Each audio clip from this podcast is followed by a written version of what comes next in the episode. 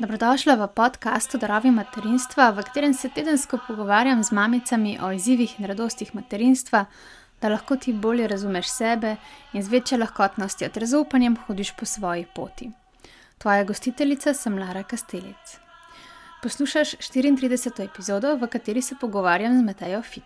Mateja je pevka, pedagoginja in raziskovalka glasu.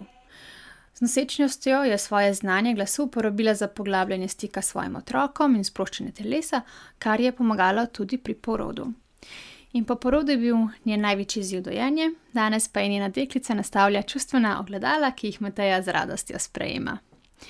In po osebni izkušnji je vzpostavila projekt Glasnit, kjer mladim mamicam pomaga, da s svojim glasom, dihom in telesom sprostijo telo, se povežejo z otrokom ter mu zapojajo. In pa vabim te, da podcast Zdravi materinstva poiščeš v aplikaciji za poslušanje podkastov, naprimer Google Podcast, Apple Podcast ali pa katero koli drugo, da boš imela boljši pregled nad epizodami in boš lahko nadaljevala poslušanje točno tam, kjer boš končala. In kot drugo te še povabim, da obiščeš spletno stran matinarava.si, se naročiš na novičnik Mother Nature ter si prebereš več o knjigi in kartah Mother Nature.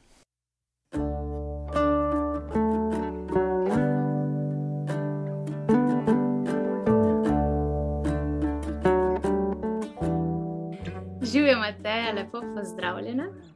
Živijo, Lara. Um, sem zelo vesela, da te imam danes za sogovornico. Hvala, jaz tudi.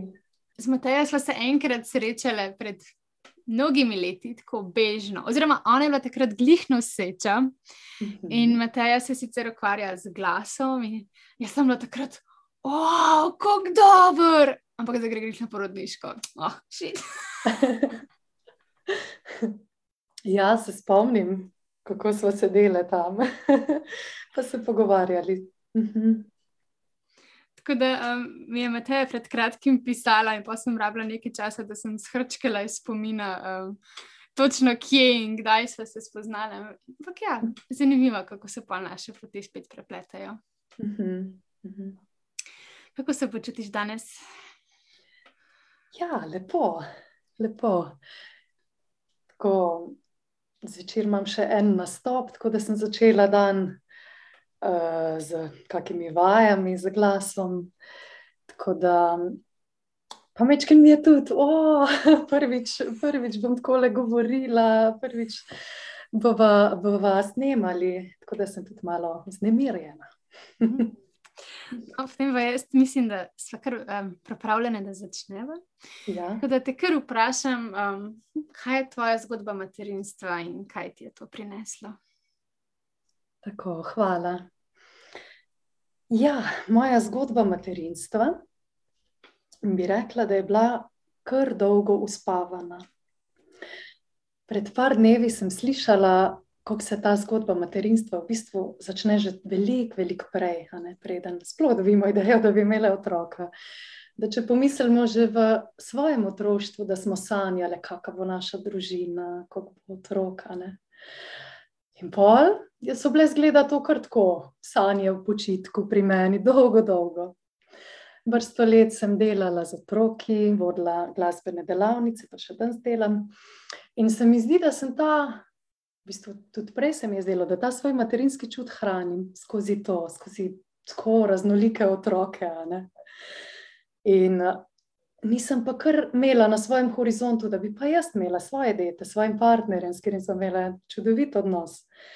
Ampak oba, ne, še imamo čas, čez mogoče čez leto, dve, tako. In se je to kar odlagali. In potem me je pa res zadelo, ko sta mi dva draga prijatelja, ki jo res spoštujem in tako imam rada. Eh, mi, ko sem imela neko tako osebno preizpraševanje, uh, ideje, kaj vse bi jaz še delala, kaj bi še, kjer projekt, pač sem samo zaposlena v kulturi in v bistvu pač se večkrat s tem ukvarjam. Ampak takrat sem imela pa res še to, bi še to, še to. Pa mi reče ta prijatelj, reče, ja, Mateja, kaj pa družina, takrat me je tako zadel prvič, da sem spustila to vprašanje res srce, res vase. In sem začutila, da je od spodaj vsega tega, kaj vse še bi, tega brbota, da je od spodaj ena ta preprosta želja, da bi imela jaz otroka. Ko sem to res sebi začutila, pa sva se s partnerjem pogovarjala, je tudi on začutil, zelo malo. In potem sem takoj zanosila. Je bilo res tako, kot da res ta, imela sem občutek, da bo punčka, in tudi je, da res ta deklica mora priti k nam.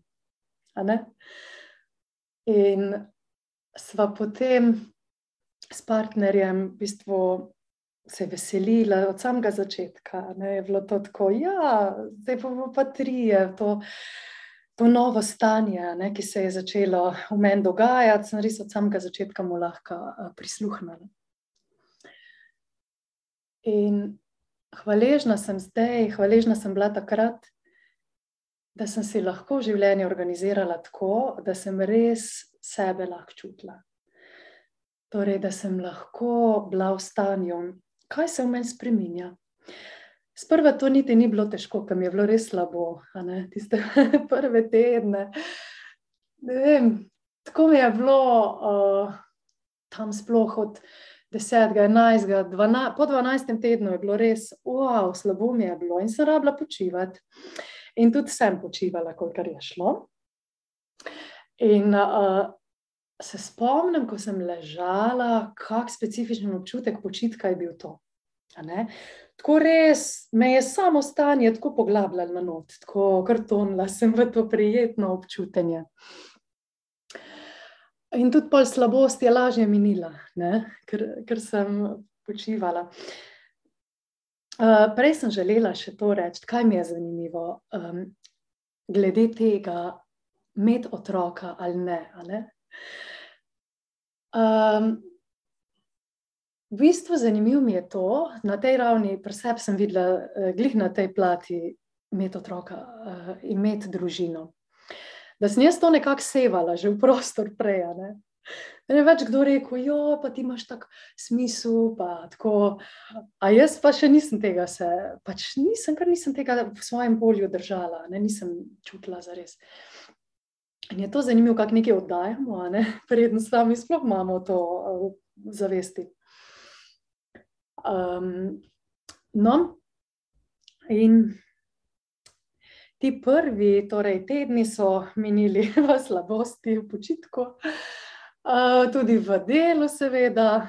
In sem pa kmalo začutila, da je koliko je za me to pomembno, da, da torej, da si namenim čas, da, da ne povozim teh občutkov, ne? da sem z njimi. In to je z tedna v teden raslo, specifično občutenje, torej sebe od znotraj. Ne tako, se pravi, fizičnega telesa, ampak tako znotraj, kot je v meni rastlo življenje. Ne? In je bilo to res nekaj, nekaj lepega in tako nepozabnega, kako se ti začenja telo spremenjati. In hkrati s tem je rasla tudi ena radost. Po mojem, so te hormone dobre, ki začenjajo eh, pač se višati. Eh, sem jih zelo fajn sprejemala, oziroma zelo fajn eh, so imeli prostora dovolj. Sem se pa tudi kar kmalo soočila z strahom, z dvomom, z negotovostjo, ki se je tikala samega poroda, torej kako se bo moje telo tako odprlo, ali bom jaz lahko rodila. In ko sem se s tem ukvarjala, pa zakaj bi bilo mene tega tako strah, prav samega poroda. Sem pa dosti malo um, videla v ranem otroštvu podobo, ko sem videla en res preveč dramatičen film za otroka. In kako je res pomembno, da ti znajo odrasli takrat prizemljiti občutke. Ne? Meni pa samo pač ni bilo tega, da bi mi nekdo realno razložil, da je v filmu tako prikazan. Um, babica, ki je bila poleg, ki tudi ni imela lepe izkuš lepih izkušenj porajanja, je rekla: Ja, ja to je res grozno. Tako da v bistvu mi nič ni pomagali in sem jaz to vzela v srce. Ne? Da je roditi nekaj res hardcore, mislim, neka huda stvar. Ne? In uh, ker sem našla vir, to je pač bilo eno to zrno, ki sem ga jaz sprejela uh, vase in je raslo v meni, kot da je porod neka strašna stvar. Ker sem lažje mi je bilo, ker sem našla ta vir in sem potem lahko se poukvarjala z njim in ga razrešila. Ne? In to predala, torej se zavedla, da je to nastalo v neki točki mojega življenja in da me to zelo fino vodi. Jaz pa nisem želela, res sem si želela lepo roditi. No, in potem sem se s tem strahom razrešila to zadevo. In tudi sproti, kar je bilo, sem probala čim bolj sproti opazovati, kaj mi vznikne na gladino, kaj so tiste moje zagate. In se mi zdi pomembno, da ženska, ko je v tem obdobju pričakovanja nosečnosti, torej pričakovanja svojega otroka, da se obda z zgodbami, ki so za njo dobre, ki jo hranijo. In tudi sama sem, se je zgodilo, da je prišla ženska do mene, smo se pogovarjali z eno, nismo se sploh dobro poznali, pa mi je začela govoriti najbolj dramatičen porod, ki ga je imela. Pa sem rekla njeno ime, prosim, res mi ne paše. Ne? Res nočem poslušati tega zdaj, pred porodom, ajde, pol, zavedam se, možno je vse. Ne, ne vemo, kam bo pelal. Ampak nočem, ker sem vedela, da bi jaz to spet vzela v sebe in bi bilo lahko tu mač. No, tako da to je ena taka fina stvar, da vzamemo tudi sicer v življenju, kar je za nas hrana. Um, tako da, ja, jaz sem potem v nosečnosti svoji res bila v tem stanju, dihala van, tudi ker delam z glasom, sem zelo uporabljala vibracijo.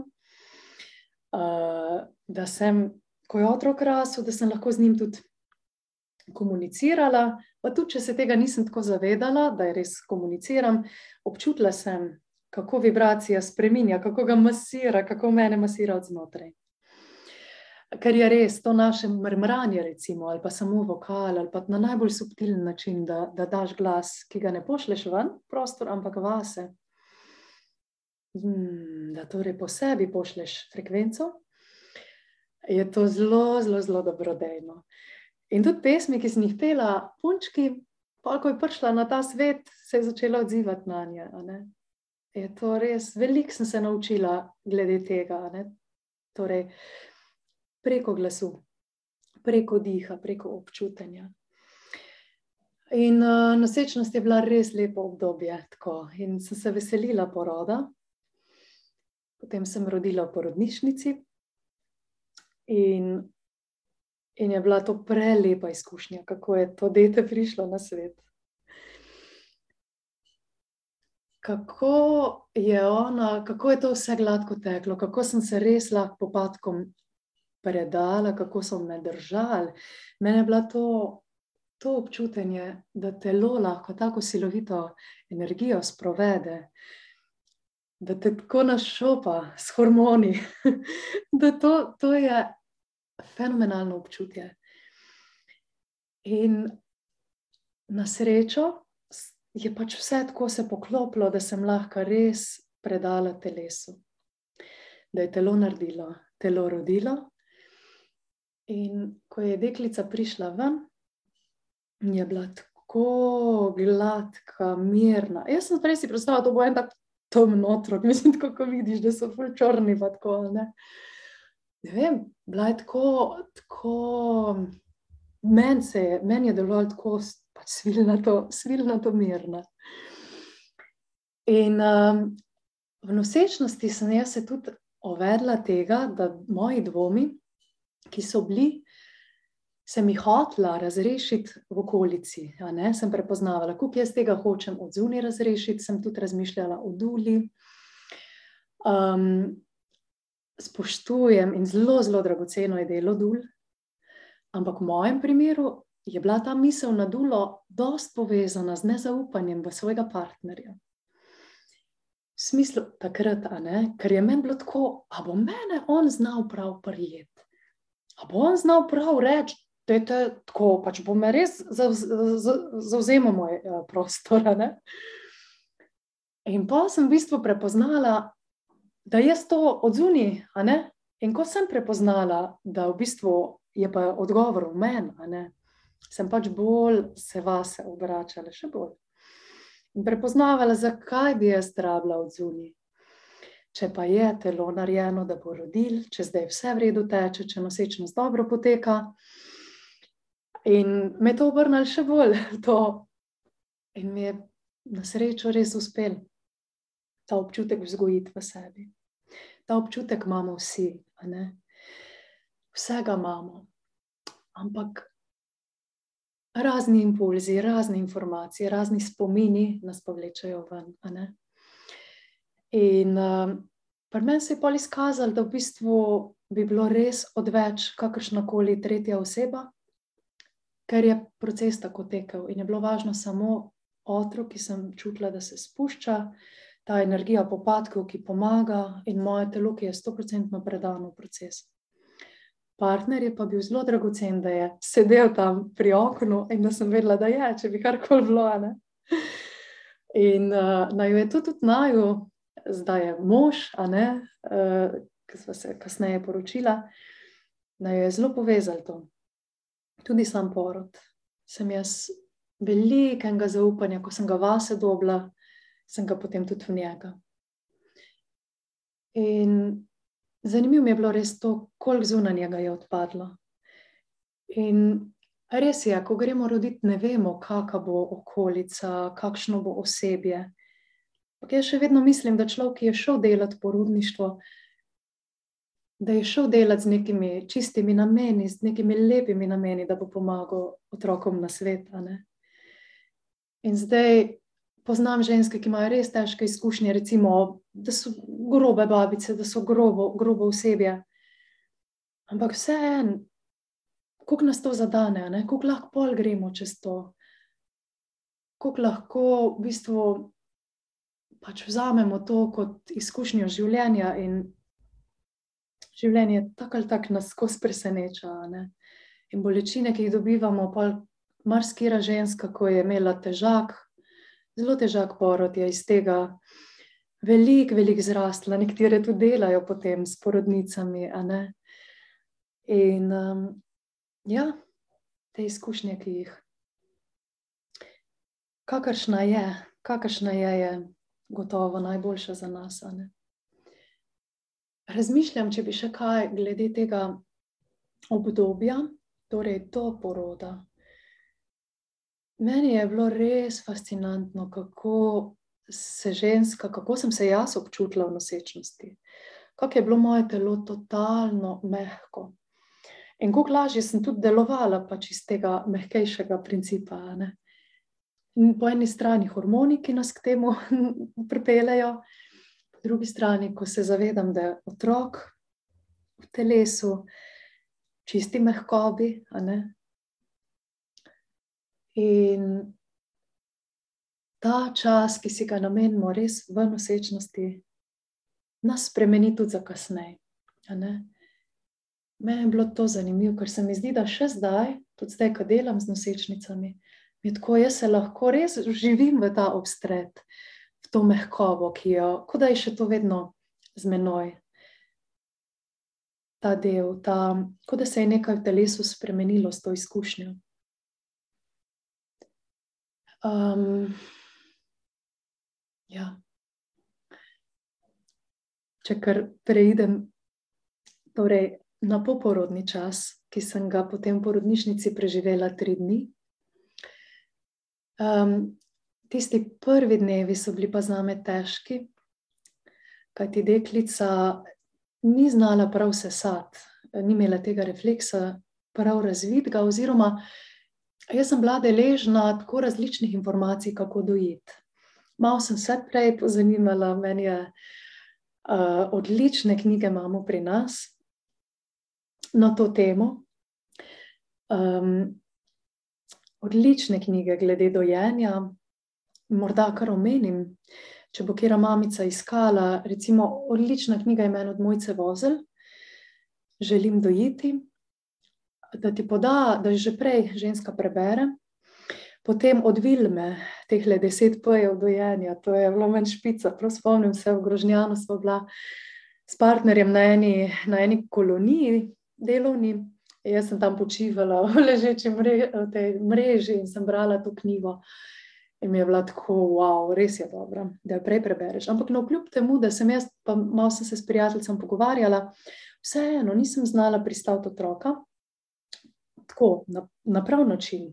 Imela sem bolj ploske bradavice, in potem so ena babica svetovala tako, druga tako, tretja tako. Zelo različne informacije sem bila deležna. In takrat pa meni ni zadostovalo to, da bi se nas zanesla, ne? ker nisem imela nobenega občutka, da jaz znam te stvari. In je bilo tako, to, težko mi je bilo res. In sem sprašvala za informacijami. In se spomnim, zvečer sem rodila in v nočni smeni punčka je jokala, seveda je bila lačna. V nočni smeni je ta babica bila zelo nervozna, tako prav me je nakregala, kaj jo zdaj kličem, kaj zdaj vidim. Sem rekla, gospa, pogledajte, prvega otroka imam, jaz rabim pomoč. Mi je malo pokazala, v bistvu deklica je skozi dobivala hrano, ampak ni bilo pa to to, mislim, zelo sva se trudile, da ne rečem martrale. Ne? Tako da tisti tri dnevi so bili za me kar težki um, tam. In ko so prišle domov, je bilo tako res, res to domače gnezdo prid. Zelo, zelo lepo, zelo tak mehek pristanek, ampak moje dete še kar ni znalo sesati. In potem smo imeli te maratonska dojenja. Res sem dolgo, dolgo, ure, ure, ampak ona je vseeno lepo pridobivala na teži. Ampak jaz bi rekla danes, da sem doktorirala z dojenja. Ker mi je bilo, ker ona tudi ni znala, pol kasneje, čez mesece, ko še kar ni to dojenje tako teklo gladko, da bi ona lepo sesala, tako kot vidiš, ne, da sesajo dojenčki. Uh, se mi tudi flaško ponudila, pa tudi že prej, ne, da bi, ampak ona ni znala tega cuclja tako. In so vztrajali, vztrajali, skozi, skozi vztrajali. In Ja, in punčka je čisto lepo rasla. Je pa res, da je v tretjem mesecu manj teže pridobila in potem je bil to za me tak izziv, ker um, pač mi je prizadel me je ta, um, torej kako, ko je pediatrinja rekla, pridite jo vagati, pridite jo tehtati, pa smo jo prišli enkrat stehtati. Ampak jaz sem vseeno imela občutek, da, da bo šlo. In smo v bistvu, in dejansko je uspelo. Ne? Tako da ta del, glede dojenja, je bil za me težji. In um, zdaj vidim, da je bilo čist prav, ker sem se res toliko naučila skozi to. Naučila sem se še nekaj.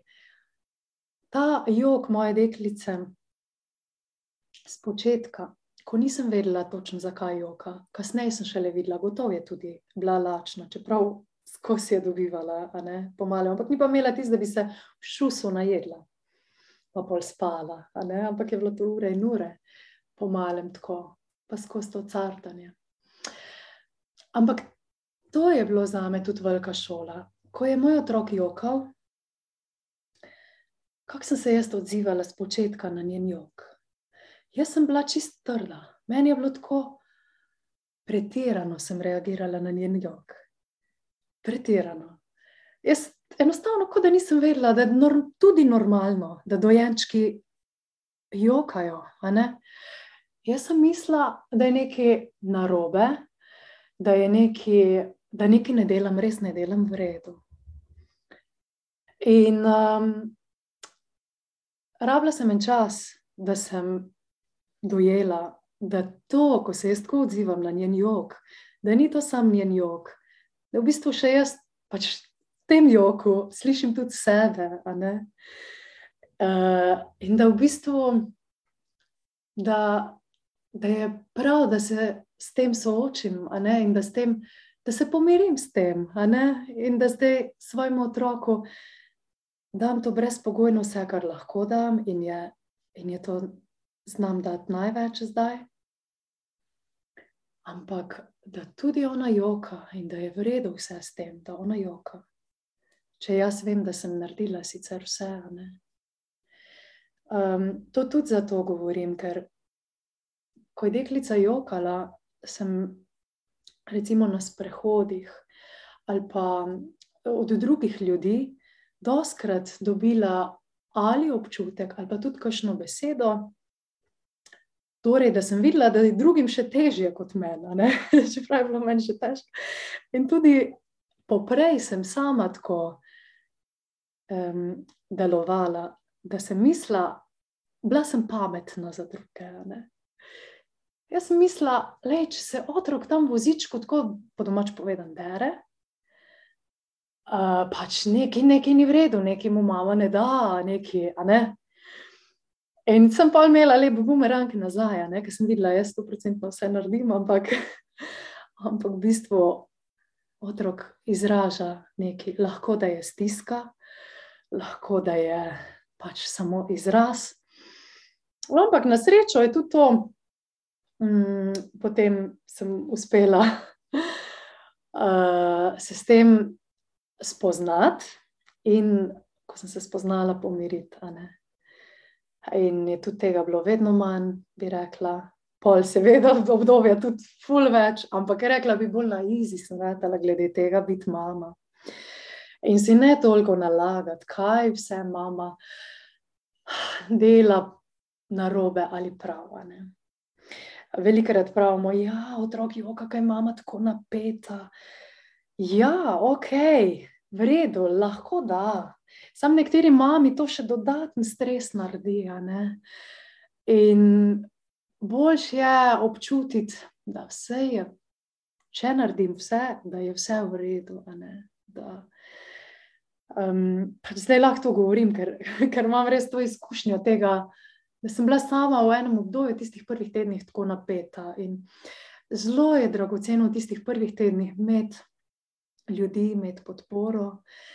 V tej, eh, recimo, za me je bilo tako pomembno, ko mi je bilo težko v tistih prvih tednih negotovosti in preizpraševanja, ali vse delam ok.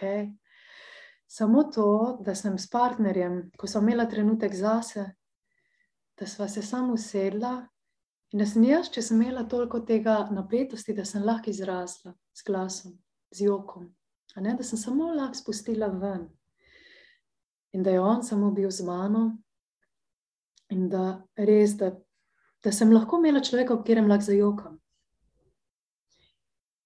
Zato, ker sicer, če držimo te stvari vse, pač s tem se tudi sicer ukvarjam preko, preko dela z glasom. Če zadušimo te občutke in jih kar utišamo v telesu ali pa povozimo, se to nekje zbira. Ne? In dati temu prostor, dati temu glas, je res dragoceno. No? To sem v tem poporodnem obdobju videla. Parkrat se mi je tako zgodilo, da, da sem rabila samo svojega ljubega človeka, da lahko zajočem ob njem.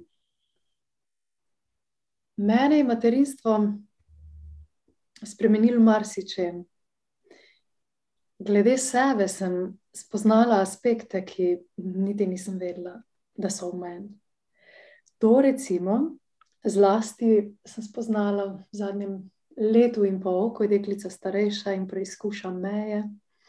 In sem jaz prepoznala tudi vse te aspekte, ki mi niso tako všeč bili. Torej, nepotrpežljivost, jeza. In, in je to super priložnost, ker mi je to prišlo ven, da sem sploh videla, da je to tudi meni. In da sem tudi s tem začela delati. Tako da je to tudi, uh, ko pravijo, da je otrok tako ogledalo. Je res en dober način dela na sebi, torej spoznavanja. Ja, to mi je, to mi je zanimivo, ker sploh nisem vedela, v bistvu, da, da, da je tukaj v meni uh, tako raznolikih vsebin. Uh, in velikrat nas to preseneti, se mi zdi. Ne. E, ne, ko sebe spoznaš, v bistvu, da je tudi taki potencijali, da so v nas. Ne. In kaj še lepo, ko bo vrteta. Tudi, uh, to, to mi je tudi tako zanimivo. Velikrat ne, ne, se mi zdi, ne govorimo o tem, ne. da te otrok isto, prepele, ono, da, wow, da se res razjeziš tako, kot se še nisi. In da je to tudi lahko čist ok, Ne? Če je človek tak, ki se prej mogoče si ni priznal toliko tega. Jaz sem mogoče imela to jezo svojo, dost kultivirano prej, a zdaj nimam kaj kultivirati.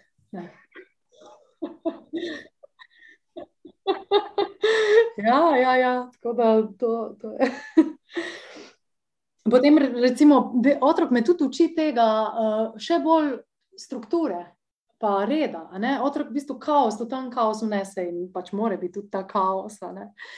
Ampak vseeno, v bistvu vidim, zdaj vidim s časom, kako je pomembno, da pa jaz imam vseeno znotraj sebe eno strukturo, red, tako fleksibilno, ampak vseeno, da je to njej taka opora, da tako govorijo o ritmu, da pričakuje otrok. Ampak ta, ja, taka fleksibilna struktura, se mi zdi ful dragocen ta, ta del.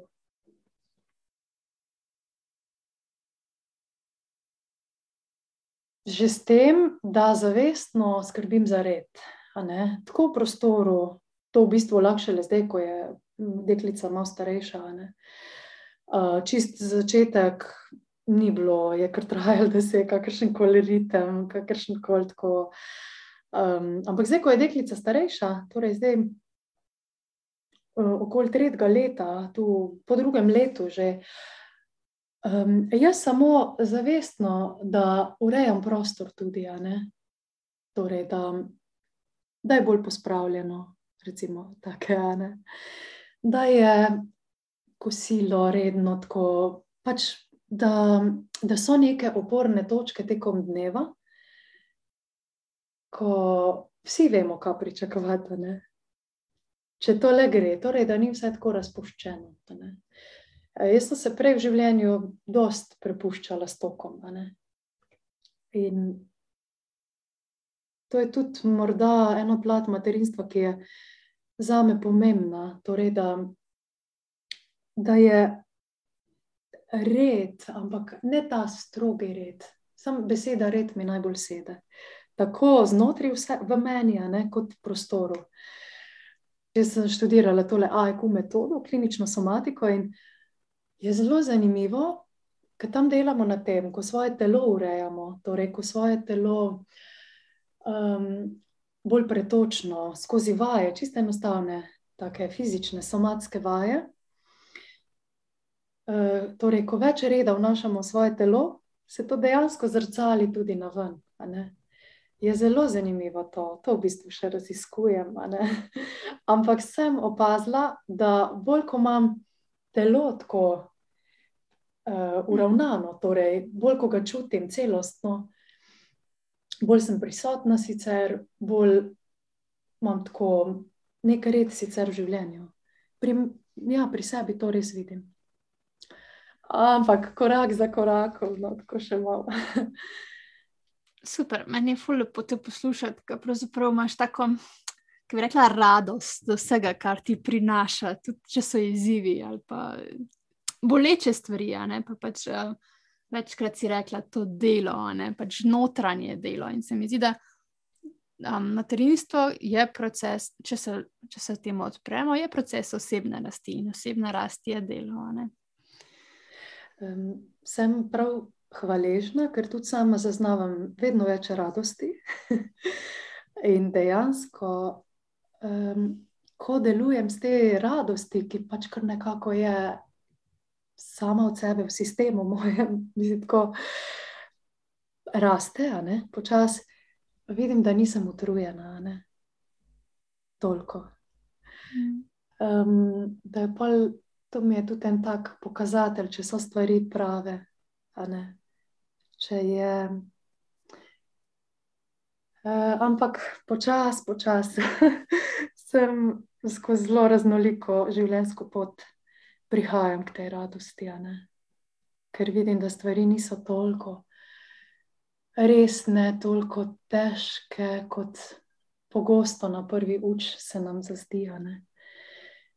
Imam še eno vprašanje, ker um, ti imaš zdaj, kako bi rekla, ta projekt, glas, nit. Bi želela kaj več o tem povedati? Ja, hvala. Torej, ta glas mit je pravzaprav kot eno dete uh, enega izvornega projekta Glas Most, s katerim sem začela leta 2017. Uh, je pa bil plot tega, da sem nekje leta 2009-2010 začela res intenzivno raziskovati svoj glas. In ker pri nas ni bilo toliko takih uh, delavnic, ki bi holistično res vključevala to polje, zajemala torej delo s glasom, sem veliko hodila v tujino in se udeleževala različnih delavnic, seminarjev, ki so vključevala glas v najširšem smislu. Ampak sem delala na sebi uh, in mi je to tako sredstvo samo spoznavanja. Um, preko tega, kako, kako se oglašam, kako govorim, kako pojem, sem veliko, veliko izvedela o sebi in to se je tako spremenjalo. Kaj ti, mi vsi govorimo na en način, ki se ga navadimo, ampak v nas je tega pa, cel ocean glasov. Zdaj, če jaz te, ta ocean zaplujem noter in, in um, dotaknem te pač v sebi zaslišim, izrazim glasove, torej da pridem v stik s tem glasom, ki pride z telesa, z avtentičnim glasom, potem sem bogatejša. Aha, sem, sem bogatejša s tem. Me to nekako oplaja. No, in teh mnogotero, ogromno je pravzaprav delavnic, izobraževanje, potem dozorelo v to, da sem čutila, da je pa čas, da jaz to malo začnem deliti. In potem sem uh, začela organizirati delavnice Glas Most, kajti glas čutim kot en most do samega sebe in potem tudi do drugih.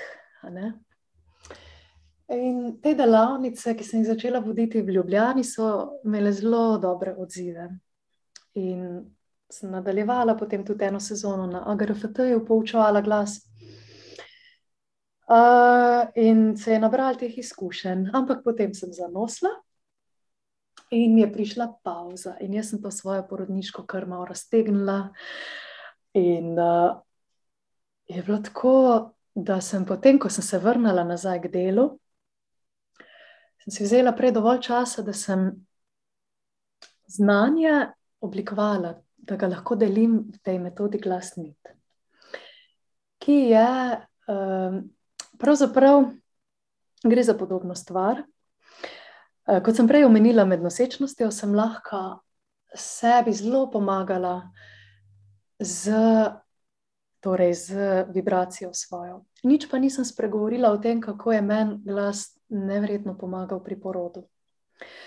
Kaj ti naučila sem se telo sprostiti, maksimalno sprostiti, se res pre, prestaviti v to del živčevja, ki je totalno spočit, ki je predan lahko.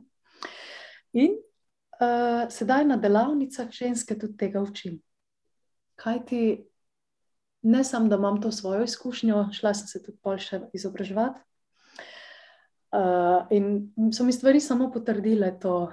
Mi je zelo zanimivo, ker sem pač preko izkustva prišla do, do tega, kako enostavno je otroku narediti prostor, kako enostavno je priti do tega spontanega iztisa, kako enostavno je v bistvu, če lahko telo naredi svoje, torej da maternica naredi, kar je njenem, da naredi. In ker imam to izkušnjo zelo, zelo močno.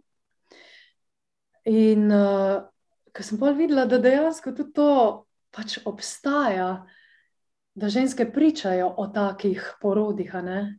Ene pravijo orgasmičen porod temu, ene pravijo, ne vem, meni je bil nepopisno lep ta, ta del roditi. In uh, zdaj učim ženske na, na vadbah, na predavanjih, na delavnicah. Glasnit sem to poimenovala, kaj ti glas v tem oziru čutim kot nit, ki jo lahko tkemo svojim otrokom, že v nosečnosti in potem po porodu, bo otrok prepoznaval, kaj ti materin glas je res sidro. In zdaj, če mu tudi kakšne prve uspavanke, tudi ženske k temu uh, pripeljem, kaj ti stremimo k temu, da naše telo naredi glas. Tudi vsak od nas zna peti, kaj ti telo zna peti. In uh, delam tudi z ljudmi, ki si želijo pet, pa imajo nekaj predstavo, da ne, da, da ne znajo morda. Ampak v telesu je, v vsakem od nas je ta melodičnost, je ritem, je srčni utrip, je dih in se igramo s temi ritmi, in na to polagamo melodije. Uh, tako da, ja, zdaj vodim vadbe ob torkih zvečer, ob petkih zjutraj, imam lepo, lepi skupini mamic, nosečnic in je mi čudovito, ko se oglašajo. Ravno danes mi je ena pisala, kako je rodila uh, in uporabljajo to znanje, ne? znanje diha, glasu in sproščenega telesa. Um, stvar je kar tako široka, ampak vsaka od nas, vsak je naravna, ne? ker delamo s temi lastnimi viri. Tako, in v bistvu to, kar je otipljivega v telesu, torej mehčamo se, masiramo od znotraj in svojega otroka. Mm. Uh, tako da zdaj imam eno predavanje uh, 30. oktobra um, da me še malo bolj spoznajo, mamice, in potem marsikatera se mi oglasi, da jo zanima več. In delamo z nekaterimi individualno. Ampak ta vstopna točka je glas, ki je neločljivo povezan z dihom, dih pa s telesom. Lepo. Ja, super. Um, Imam še eno vprašanje za te. Jaz sem zadnjič bila na tej tvoji um, spletni delavnički um, za mhm. glasnit in mhm. je bilo na koncu ful lepo, ker si zapela pesem, oziroma si podarila pesem. In me zanima, če bi želela tudi nam pokloniti eno pesem. In um, jaz predlagam tako, da potem, ko ti zapoješ, pravzaprav um, ne govoriva več, ampak sem postila tišini, da odzveni in to bo potem tudi naj zaključek. Da, če želiš še kaj povedati, lahko to zdaj poveš. Hvala, Lara. Res, pesem je darilo. Tako z njo se razgalimo, tako kot se tudi s svojim glasom razgalimo. In se mi zdi to nekaj tako preprostega, kar lahko damo drug drugemu. Damo svojemu otroku, človeku, ki nam je drag. In jaz bi zdaj vam, ki naj jo poslušate, podala eno pesem, ki mi je spremljala že dolgo, dolgo in je tako ljuba. In jo čutim tako res povezavi z našimi otroci, z nami, z našim najčistejšim delom vsakega od nas. Tam nekje je zlata roža, pa ne vem še, kje cvete sred poljanja, veter boža, pa ne znam poti do njih. Pa bom ptičico prosila, naj pred mano poleti,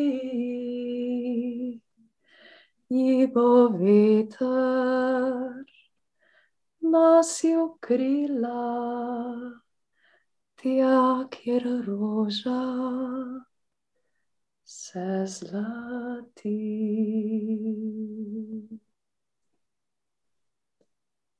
Veter je čez doljo sivo, beli hali privršal in je ptički drobno krilo na nevitne roke vzel in je veter nosil ptico, ptica dekla preko trav poiskali so cvetlico, nežni cvetek, čisto zlat.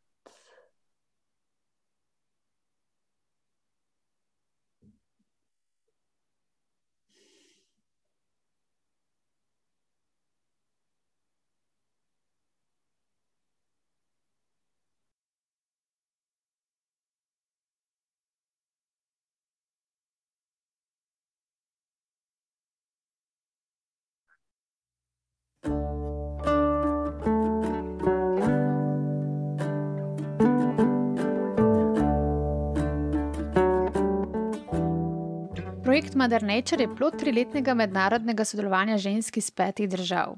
Namen projekta je bil, da ustvarimo nekaj, kar bo v pomoč mamam ter strokovnjakom, ki delajo z ženskami pri ozaveščanju izkušnje materinstva. Ustvarili smo knjigo in karte Mother Nature, ki se medsebojno dopolnjujejo v opisovanju 42 načel materinstva. Ta načela niso neke znanstvene resnice, ampak spoznanja žensk, ki so bila del projekta in vključujejo vse tisto, kar so one pogrešale ali pa jim je bilo pomembno v njihovi materinski izkušnji. V knjigo je vključeno poglavje o vodenju ženskih krogov s pomočjo kart Mother Nature. In če kupiš knjigo ali karte, boš povabljena v Facebook skupino, ker ti bom odgovorila na tvoje vprašanja, kako lahko sama vodiš svoj ženski krog, in boš bila tudi povabljena, da sodeluješ na spletnih ženskih krogih.